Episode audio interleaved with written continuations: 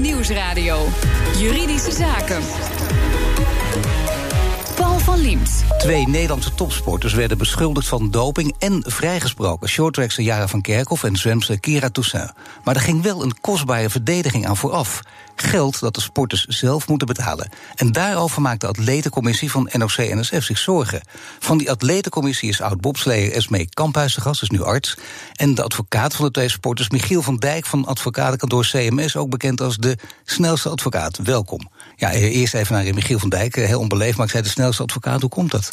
Waar komt die naam vandaan? In 2012 was er een uh, hardloopwedstrijdje. Dat werd georganiseerd door uh, een uitgeverij van, uh, van wetboeken. Dat wedstrijdje won ik. Was, niet in toga, maar gewoon in een hardloopshirtje. En ook nog een rugbier. En daar hebben jullie iets samen. Want Esmee Kamphuis ook natuurlijk heel veel gedaan. Bobsleer, hele grote successen behaald. Maar dus ook gerugbied, geloof ik. Ja, klopt. Nadat ik gestopt ben met uh, bobsleeën ben ik gaan rugbyen. En we kwamen er net achter dat we bij dezelfde club uh, hebben gespeeld. Dus Ook dat nog. Elkaar niet voor de voeten gelopen in ieder geval. Zeker niet. Nee. Nou, laten we eerst even kort de twee zaken bespreken. We beginnen met de zwemsen, met Kira Toussaint. Wat speelde er precies? Michiel van Dijk. In de zaak van uh, Kira Toussaint, daar is op een gegeven moment een positieve test naar boven gekomen. En de verdenking was dat het verboden stofje tulobuterol was. Um, dat leidde tot uh, grote vraagtekens bij uh, eigenlijk alles en iedereen. Want dat is een stofje wat eigenlijk in Europa, maar eigenlijk ook wereldwijd niet of nauwelijks voorkomt. Er zijn slechts vier of vijf zaken van bekend. Allemaal Aziatische zaken. Um, uiteindelijk, om een lang verhaal kort te maken, bleek dat dat een vals positieve test was. En dat ze gewoon een medicijn had genomen wat wel is toegestaan. Maar dat bij het meten in het laboratorium er een ernstige fout is gemaakt. Maar komt het dan op neer dat ze positief scoorden op een middel dat ze niet gebruikten? Exact. Hoe, hoe zijn jullie erachter gekomen? Um, wij zijn gaan zoeken naar mogelijkheden. Hoe komt het dat dat stofje in het lichaam is uh, terechtgekomen? Want het wordt dus feitelijk wel aangetroffen. Ja, dan ga je alle scenario's af. En een van die scenario's was dat er een vals positieve test uh, uh, zou hebben plaatsgevonden. Uh, daar hebben we over gesproken met de dopingautoriteit. En op hetzelfde moment bleek dat er ook al een circulaire van WADA, dat is de internationale dopingorganisatie, verspreid was. Dat er, en dat was op no-name basis, dus de zaak van Kira, die kende WADA op dat moment niet. En dat er een mogelijkheid van vals positieve test bestond. Nou, en dat viel eigenlijk op hetzelfde moment samen. En toen werd 1 en 1 2. En toen bleek dat dat inderdaad bij Kira gelukkig voor haar dan een vals positieve test was. Ja, maar toch is het uh, allemaal verschrikkelijk. Want je komt dan in de kranten, je komt in de media als iemand die beschuldigd wordt van doping. met alle kwalijke gevolgen van dien. Daar gaan we het ook nog over hebben. Jaren van Kerkhoff.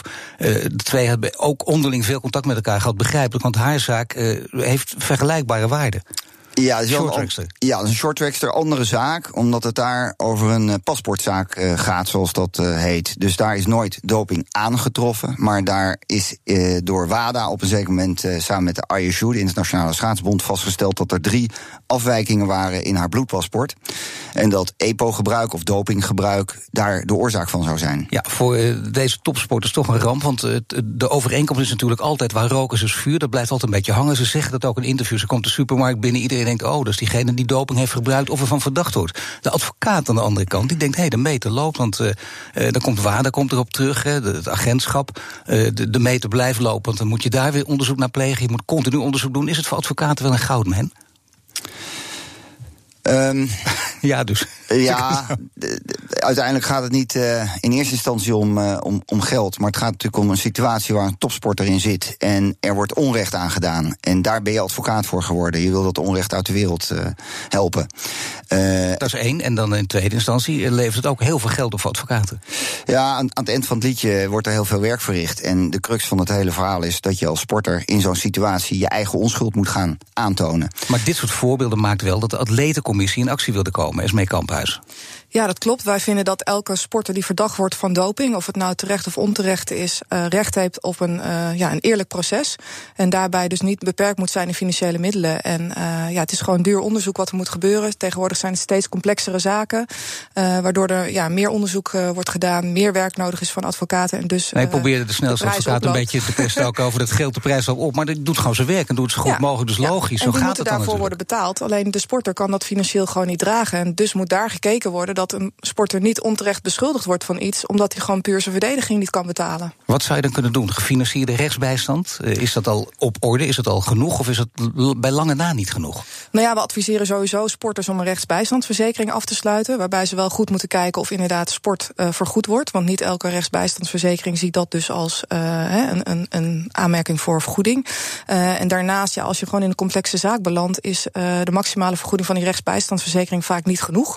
En daarom zijn we nu in actie gekomen om samen met NOC-NSF te gaan kijken hoe kunnen wij toch zorgen dat er of een fonds of een verzekering of iets ja, komt, zodat daar, we dat op, kunnen op betalen. doorga, eerst even dat we een idee hebben van, van het geld. Want stel dat je de, de top krijgt uitbetaald van het rechtsbijstandsfonds. En, en stel dat je de top moet betalen aan een advocaat. Hoe, hoeveel loopt het uit elkaar? Ja, dat ligt heel erg aan hoe uh, complex en ingewikkeld het proces is. Maar de twee waar we het net over hadden, waar we dan gaat. beter dan ik, maar, Nou ja, precies, Michiel van Dijk, waar we het net over hadden. Ja, die verschillen die zijn heel groot. Dat is lang niet 100% dekkend. En uh, je moet daarnaast ook beseffen dat. Maar als je twee jaar doorgaat, dan ben je een ton kwijt of nog meer aan advocaatkosten? Dat, dat, dat kan. Dat hangt echt van, uh, laten we zeggen, het hele verdedigingsteam dat je moet gaan formeren. Kijk, het gaat niet alleen om het juridische verhaal, maar het gaat vaak ook om een medisch verhaal. Er moet een topsportarts bij betrokken, ja. er moet een klinisch chemicus bij betrokken raken. Uh, in de zaak van Kira hebben we allerlei onderzoeken laten doen. He, we hebben voeding, we hebben medicatie laten onderzoeken, we hebben haaranalyses laten uitvoeren. Dat kost heel veel geld. Onlangs was het, was het atletenforum van het IOC bij elkaar. Dus de financiële bijstand van sporters met een dopingverdenking ter sprake gekomen. Wat is daar uitgekomen? Ja, nou ja, eigenlijk zien we dat dus meerdere internationale atletencommissies ermee bezig zijn. Um, we hebben het ook neergelegd bij uh, inderdaad de atletencommissie van het IOC, ook van de WADA. Uh, WADA atletencommissie is daar nu ook mee bezig. Die kijken ernaar. Onder andere onze oud-voorzitter Giel Warnes is daar nu onderdeel uh, van de atletencommissie. Uh, maar wij zijn vooral op nationaal niveau ook heel druk bezig met het NOC om hier naar te kijken. En de, het NOC ziet de noodzaak en pakt het heel goed op, dus dat is super fijn. Maar je noemde net al de mogelijkheid van een fonds of een verzekering. Wat, wat ja, is het of, beste? Of een combinatie van beide. Ja, dat, dat zijn we dus aan het uit. onderzoeken. Nou ja, kijk, ik denk dat het belangrijk is dat, uh, he, dat, dat de sporters hun rechtsbijstand op orde hebben. Zodat het begin uh, gekofferd is. En dat we voor de deel daarna uh, voorzieningen gaan creëren. En daar moeten we met z'n allen goed over nadenken wat de beste weg is. He, zodat, nou ja, goed, de de kosten voor de sporter vergoed zijn. Maar ook uh, internationale dopingagentschappen die nu soms weer in hoger beroep gaan. Uh, he, weten nu, ja, de sporter kan het misschien niet betalen zoals we in hoger beroep gaan, is het klaar. Ja, en dat die prikkel dan in ieder geval wegvalt. Maar is het beste een nationale of een internationale regeling? Dus heel veel nationale regelingen of één internationale regeling? Ja, het liefst wil je natuurlijk gewoon internationaal dat het wereldwijd voor alle sporters goed geregeld is. Maar als we dat op dit moment niet op korte termijn voor elkaar krijgen, moeten we natuurlijk wel zorgen dat wij het nationaal op orde hebben totdat er een internationale regeling komt. Voor zover ik weet zijn er twee landen actief mee bezig: uh, Amerika en Zwitserland. Misschien zijn het er meer, maar zijn dat de enigen die daar nu echt actief mee bezig zijn en nou, stappen die, hebben gezet? Die zijn er heel actief mee bezig. Want bijvoorbeeld in Amerika gebeurt er ook veel hè, dat sporters toch inderdaad uh, verdacht worden en dan uit selecties worden gezet en gewoon ja, de verdediging niet kunnen betalen en het gewoon einde carrière is. Nou, dat mag natuurlijk gewoon echt niet gebeuren. Um, er zijn ongetwijfeld meer landen mee bezig, maar dit zijn onder andere de, de atleetcommissies waar onze voorzitter Hinklie Schreuders van uh, mee heeft gesproken afgelopen weekend. Ja, maar heel vaak kijken dus ook naar die landen. En wat is er uitgekomen? Dat je denkt, je hebt ermee gesproken en uh, dat is bijna een kant-en-klaar model dat je voor Nederland kunt overnemen. Of zit er toch heel veel haken en ogen oh, aan? Nee, nee, nee. Wij zijn nu in Nederland heel actief bezig. Zij zijn ook nog internationaal en in hun eigen land dingen aan het uitzoeken. Uh, maar ik denk dat wij vooral nu moeten focussen op wat we met de NRC aan het regelen zijn en aan het kijken zijn. Dus met name naar een verzekering of een fonds. En daar hopen we dat daar binnenkort meer nieuws over komt. Nou, doe het nu maar vast. Want je bent toch al hier. Krijgen ja, jullie, nee, krijgen jullie helaas. ik, nee, maar we, we, zijn echt in de onderzoekende fase. En dan moeten we, voordat we met een advies komen, denk ik eerst een gedegen onderzoek hebben en met een goed advies komen. Mensen die het horen, die denken er wel vaak. En, nou, jullie weten allebei uh, ook van nabij wat, wat sport en, en topsport zelfs is. Uh, mensen denken ook van ja, wacht even, wat, wat zeuren ze nou? Ze komen in die slachtofferrol en ze blijven maar doorgaan.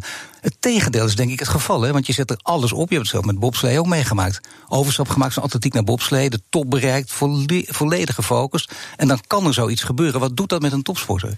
Ja, ik denk, uh, los van inderdaad de, emotionele uh, schade en de schade die het ook aan je sportcarrière doet, uh, ja, heb je gewoon een probleem als je jezelf niet kan verdedigen. En ik denk wel dat het gewoon van essentieel belang is dat je dat kan als sporter. En dat je niet ten onrechte einde carrière hebt, omdat je nou eenmaal gewoon de financiële middelen nee, niet bovendien hebt. zit het ook in je hoofd. Voortdurend toch in je hoofd zoiets. Ondertussen moet je wat trainen en dan zeggen mensen, dan moet je een knop om omzetten. Maar dat kan natuurlijk bijna niet, want dit is te groot en te belangrijk en iedereen kijkt je in ieder geval erop aan. Ja. En ja, dat, is een probleem. En daarnaast al bewijs je je onschuld. Ik denk inderdaad dat je nooit helemaal van de naam afkomt. En dat is natuurlijk ook nog wel een kant wat wij als atleetcommissie belangrijk vinden. Dat daar ook naar gekeken gaat worden in de toekomst. Als iemand uiteindelijk niet schuldig bevonden wordt doordat je allerlei onderzoeken hebt laten doen. Uh, dan is het ook belangrijk dat de kosten die je gemaakt hebt uiteindelijk natuurlijk vergoed worden. En dat is helaas op dit moment ook niet het geval. Ja, wat betekent dat de vervuiler betaalt? Dat je dat en dat je die kant op gaat? Michiel van Dijk, is dat, is dat reëel en denkbaar? Uh, ik denk dat dat wel het systeem zou moeten zijn. Uh, het is zeker ook in de beide zaken uh, waar we nu over spreken. Overigens daarvan is het dus niet zo dat ze zijn vrijgesproken, maar uiteindelijk zijn de zaken gewoon ingetrokken. Dat betekent dat er geen zaak is. Nou, dat zou dan echt van de zotte zijn dat je als sporter zelf, terwijl je al met die ja, ellende rondloopt. Het is een blok op je maag. Je kunt gewoon die focus niet meer hebben voor topsport. Extreem moeilijk. Ja, als je dan ook nog daar zelf de rekening voor moet betalen, dat, dat, dat, dat zou een godspe zijn. Nee, nogmaals, die rekeningen zijn echt eh, extreem hoog of exorbitant hoog. Dat, ja, dat is dat voor de meesten ook, gewoon niet te betalen. Dat, je moet toch al alles erop zij zetten. Exact. En dan zou je dus een onderscheid krijgen tussen de ja, vermogende of bemiddelende sporters die dat wel kunnen betalen. En die dus wel hun onschuld zouden kunnen bewijzen. En de sporters die dat niet kunnen. En dat zou een onderscheid ja, zijn wat gewoon, dat, dat, dat is absoluut niet goed en ook niet zo bedoeld. Is het mogelijk om een schadeclaimzaak te doen? Dat is mogelijk. Uh, dat is wel lastig, want uh, we hebben al in de zaak van Kira Toussaint gezien dat iedereen naar iedereen gaat verwijzen. Dus WADA verwijst naar het dopinglaboratorium, dopinglaboratorium verwijst naar de opdrachtgever, dat is FINA. En FINA zegt, ja, wij hebben het gedaan, uh, dat is de internationale federatie. Ga je, om die reden, ga je het om die reden niet doen, of denk je, je gaat toch een poging wagen? Nou, we, we kijken rustig eventjes naar wat er op ons af gaat komen, omdat we ergens wel verwachten dat er vanuit de internationale federatie een beweging gaat komen. Omdat zij ook wel aanvoelen dat wat er is gebeurd, dat dat gewoon zeer kwalijk is. Wat betekent dat, dat er een beweging gaat komen? Ehm, sowieso zou het uitermate correct en, uh, en, sportief zijn als er gewoon excuses worden gemaakt. He, daar begint het gewoon mee. We willen eens even een gesprek met jou voeren, sporter. Want wat er is gebeurd, dat, uh, dat vinden we heel erg. En als er een voorstel wordt gedaan ter compensatie. Straks tonen de recente dopingvrijspraken ook aan dat het controlesysteem en de dopinglijst op de schop moeten. BNR Nieuwsradio. BNR Juridische Zaken. Zwemster Kira Toussaint werd door een foutentest en onrechte beschuldigd van doping. En ook de afwijkende bloedwaarde van de shorttrackster Jaren van Kerkhoff bleken niets met doping, maar met een aangeboren hartafwijking te maken te hebben. Mijn gasten zijn Esme Kamphuis, lid van NOC-NSF Atletencommissie. Ze werd vierde met bobslee op de Olympische Spelen in Sochi. En Michiel van Dijk, advocaat bij CMS, gespecialiseerd in dopingprocedures en ook nog vervent rugbyer geweest. Zijn de testen te gevoelig of zijn ze niet gevoelig genoeg? Hoe moet je het zien, Esme Kamphuis? Ja, dat hangt natuurlijk per test af van welke stof je test. Uh, elke test heeft een sensitiviteit en specificiteit, waardoor je uh, bepaalde fout-positieve en fout-negatieve uh, resultaten krijgt. maar wat denk ik heel belangrijk is, is als er een test is die een relatief hoog percentage vals positieve uitslagen heeft, dat we dan een soort van B-test gaan invoeren die uh, ja, daarvoor gevoeliger is en dat je minder vals positieve uitslagen krijgt. Want dat zijn natuurlijk de onterechte beschuldigingen aan sporters. En zijn die er nu heel veel? Zijn er nu veel vals positieve testen? Nou, dat denk ik niet. Uh, ik denk dat het, het begin van het systeem gewoon goed is. Maar soms kom je dus in zaken zoals die van Kira uh, achter dat bepaalde testen misschien toch nog specifiekere hertesten nodig hebben. Maar dat is iets waar we in de toekomst met z'n allen naar moeten kijken. Ja, hoe kijken advocaten daarnaar? Ja, allereerst is het inderdaad helemaal juist dat Esmee zegt dat het aantal valt echt gewoon minimaal. Dat is ook echt de nachtmerrie voor elke uh, betrokkenen in een dopingzaak dat dat gebeurt. Behalve dan misschien voor de sporter. Dan kun je bijna zeggen, ja, dat gebeurt altijd. Eh, er zijn geen garanties in het leven, laten we maar houden zoals het is. Nee, en je ziet vaak als je in dopingprocedures kijkt dat dat ook mensenwerk is. En er worden ook fouten gemaakt doordat handtekeningen verkeerd worden gezet of dat analyses verkeerd worden uh, uitgevoerd. Wat wel opvallend is, vind ik, dat er per dopinglaboratorium een maat dat er op een aparte manier wordt gemeten. En dat betekent dat bijvoorbeeld in een dopinglaboratorium in Gent anders wordt uh, gemeten dan in Keulen. En dat zou dus betekenen dat afhankelijk van de vraag waar je sample naartoe wordt gestuurd als sporter, dat er een bepaalde uitkomst is. En dat is een volstrekt idioot. Ik bedoel, dit zou je dan in internationaal gelijk moeten schakelen. Als je al iets gelijk schakelt, in ieder geval op dit gebied. Absoluut. Dus de, en wie is daar dan verantwoordelijk voor? Daar is WADA voor verantwoordelijk. Die hebben, dat is wel heel simpel dan voor WADA? Ja, maar je hebt bepaalde zeg maar, uh, regelgeving. En uh, daar staan minimum- en maximum eisen voldoen. En daar is ook een bepaalde marge waarbinnen uh, dat dopinglaboratorium moet opereren. En als ze daaraan voldoen, dan krijgen ze een ISO-certificering. Maar er is dus sprake van een marge. En die marges, dat zijn nou net de details waar een dopingzaak wel nee, gaat het gaan. natuurlijk. En dan zijn er ook middelen die wel stimulerend werken, maar nog niet op die lijsten staan. Hè, die dopinglijsten die dan uiteindelijk zijn samengesteld. Uh, is dat dan wel doping? Dus als het nu wel stimulerend werkt, maar nog niet op de lijst staat?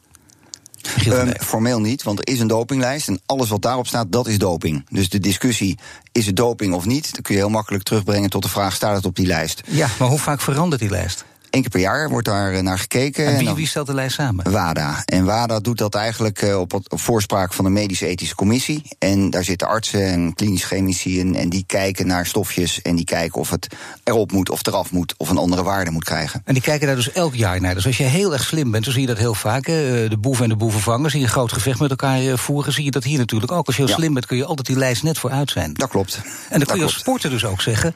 Uh, ja, ik, ik was er niet van op de hoogte. Dat zal in de procedure niet werken. Er zijn ook wel gevallen bekend waar sporters dat gingen roepen.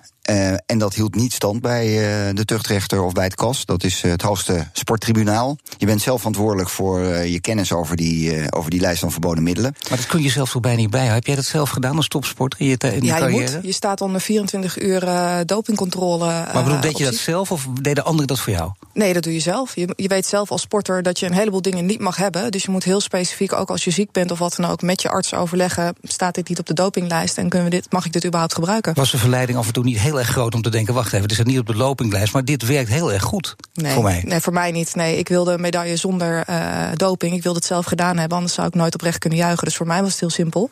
Uh, en los daarvan denk ik ook als arts, als je zo'n stomme fout maakt, dat je ook je medische carrière kan vergeten. Dus uh, ja. was voor mij überhaupt Dus eigenlijk moeten alle topsporters de ambitie hebben om ooit arts te worden. Dat zou nou, ik denk dat alle topsporters de ambitie moeten hebben om schoon te winnen. Ja, toch wel of niet, Michiel van Dijk? Ja, de praktijk is alleen dat heel veel sporters uh, daar toch wel anders tegenaan kijken. Je hebt altijd valspelers. En ik heb in mijn praktijk ook echt gevallen voorbij zien komen waar iemand ziek werd op een vakantieadres of uh, in Afrika op safari, ik zeg maar wat, tijdens twee weken reces. En daar een hoestrankje koopt en daar helemaal niet over nadenkt. En elke sterveling kan daar een hoestrankje kopen. Maar als je topsporter bent, dan kan dat niet. Ja, sommige topsporters zeggen wel, uh, op een gegeven moment word je bijna gek van dat je echt overal op moet letten. Dat klopt. Zoals wij gewone consumenten in supermarkten ook bijna niet meer op elk pakje ja. kunnen gaan kijken. Want het is, het is, het is ondoenlijk. Ja. Was het wel, is dat wel gewoon bij te houden allemaal als topsporter? Ja, dat is, moeilijk. Uh, en voor mij was het natuurlijk het voordeel dat je een medische achtergrond hebt. Dat je daar meer in zit en meer geïnteresseerd in bent. Uh, maar ja, je weet gewoon als topsporter dat je dus een aantal dingen, of heel veel dingen, niet kan en niet mag.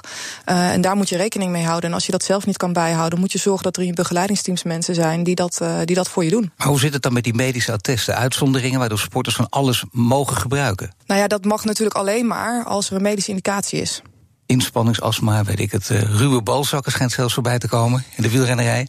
Nee, maar dat soort zaken gebeuren allemaal. Ik bedoel, als je, als je dat precies weet en een arts hebt die daar heel goed van op de hoogte is, dan zijn er dus heel veel mogelijke uitzonderingen. Nou ja, of er heel veel uitzonderingen zijn. Uh, ik denk gewoon dat je uh, als arts ook de verplichting hebt om te kijken of iemand echt een medische indicatie heeft. En uh, we zijn ook met NOC-NSF en Michiel ook onder andere dus en onze commissie bezig met een medische gedragscode voor topsportartsen. waarin we ook deze kant hè, van de medicatievoorschrijving, et cetera, weer onder de loep nemen op basis van de recente TIRAX. En maar andere, wat kan er dan veranderen? Waar wordt de druk dan op sportartsen groter? Nou ik denk wat we vooral belangrijk vinden is dat je als sportarts en als arts in het algemeen alleen op medische indicatie, uh, echt strikte medische indicatie, medicatie voorschrijft. Maar om het nog ingewikkelder te maken, de lijst van het IOC ziet er vaak, zeggen veel topsporters althans, uh, ziet er vaak anders uit dan die van de Sportbond. Is dat ook zo, Michiel van Dijk?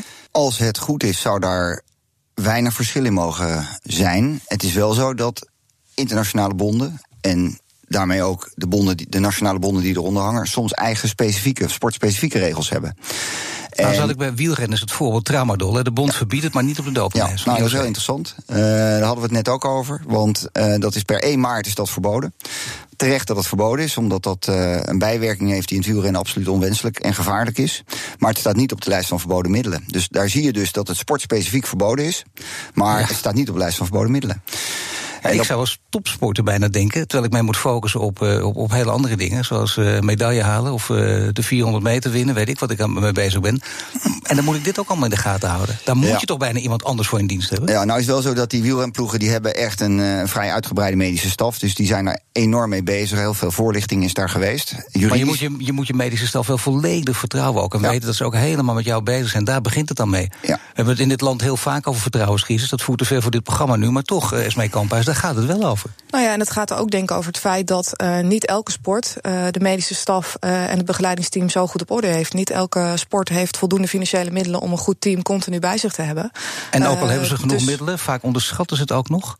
Nou ja, misschien. Maar vooral denk ik ook dat er heel veel sporten zijn die dat dus niet om zich heen hebben. Waarbij er dus nog meer verantwoordelijkheid bij de topsporten komt. Nou, als advocaat zie je dat ook als je op deze, over deze zaken buigt. Hè. Dat hebben ze niet goed op orde. Nou, dat vind ik gevaarlijk om dat te zeggen. Dat geeft maar niks. het systeem kan zeker verbeterd worden. En moet zelfs verbeterd worden, wat mij betreft.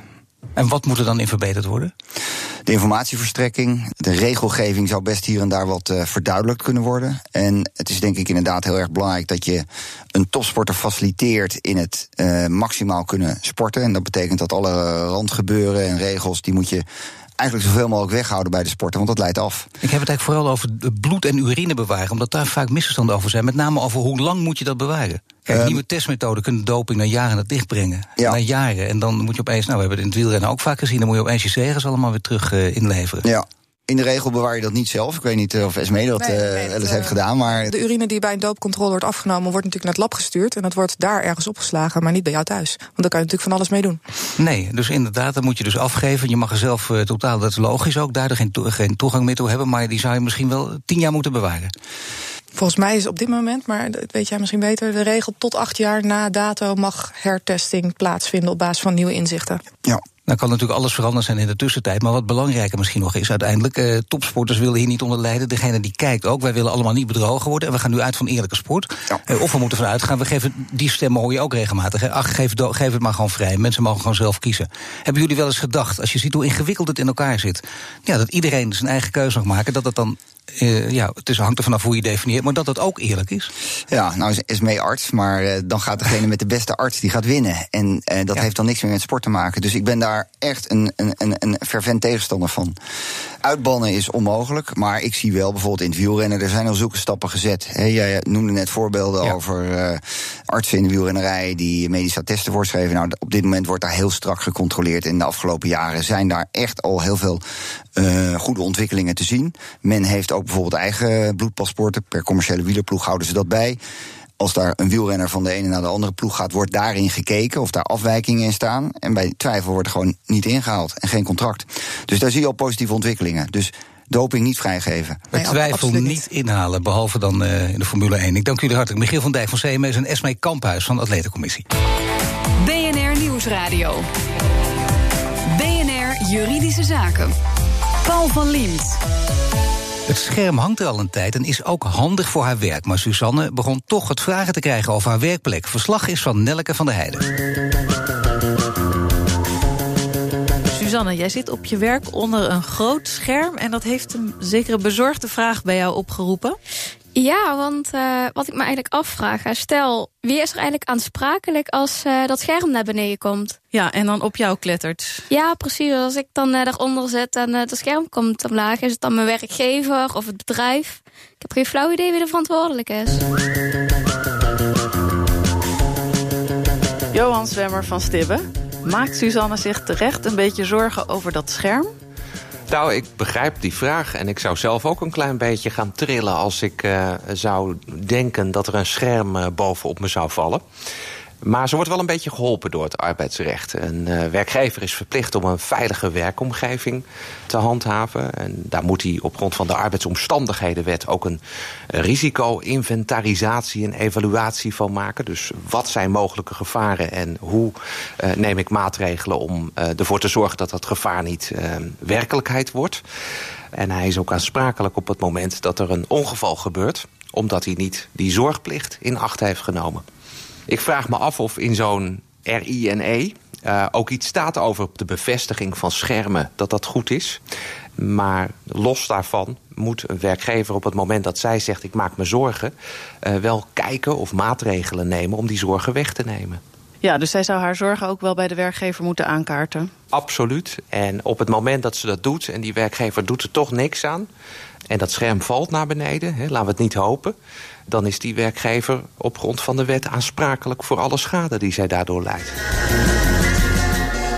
Zegt Johan Zwemmer in een verslag van Nelke van der Heijden. Heeft u ook een juridische vraag? Mail hem naar juridischezaken.bnr.nl. Dit was de uitzending van vandaag. U kunt de show terugluisteren via de site, de app, iTunes of Spotify. Mijn naam is Paul van Diemt. Tot de volgende zitting.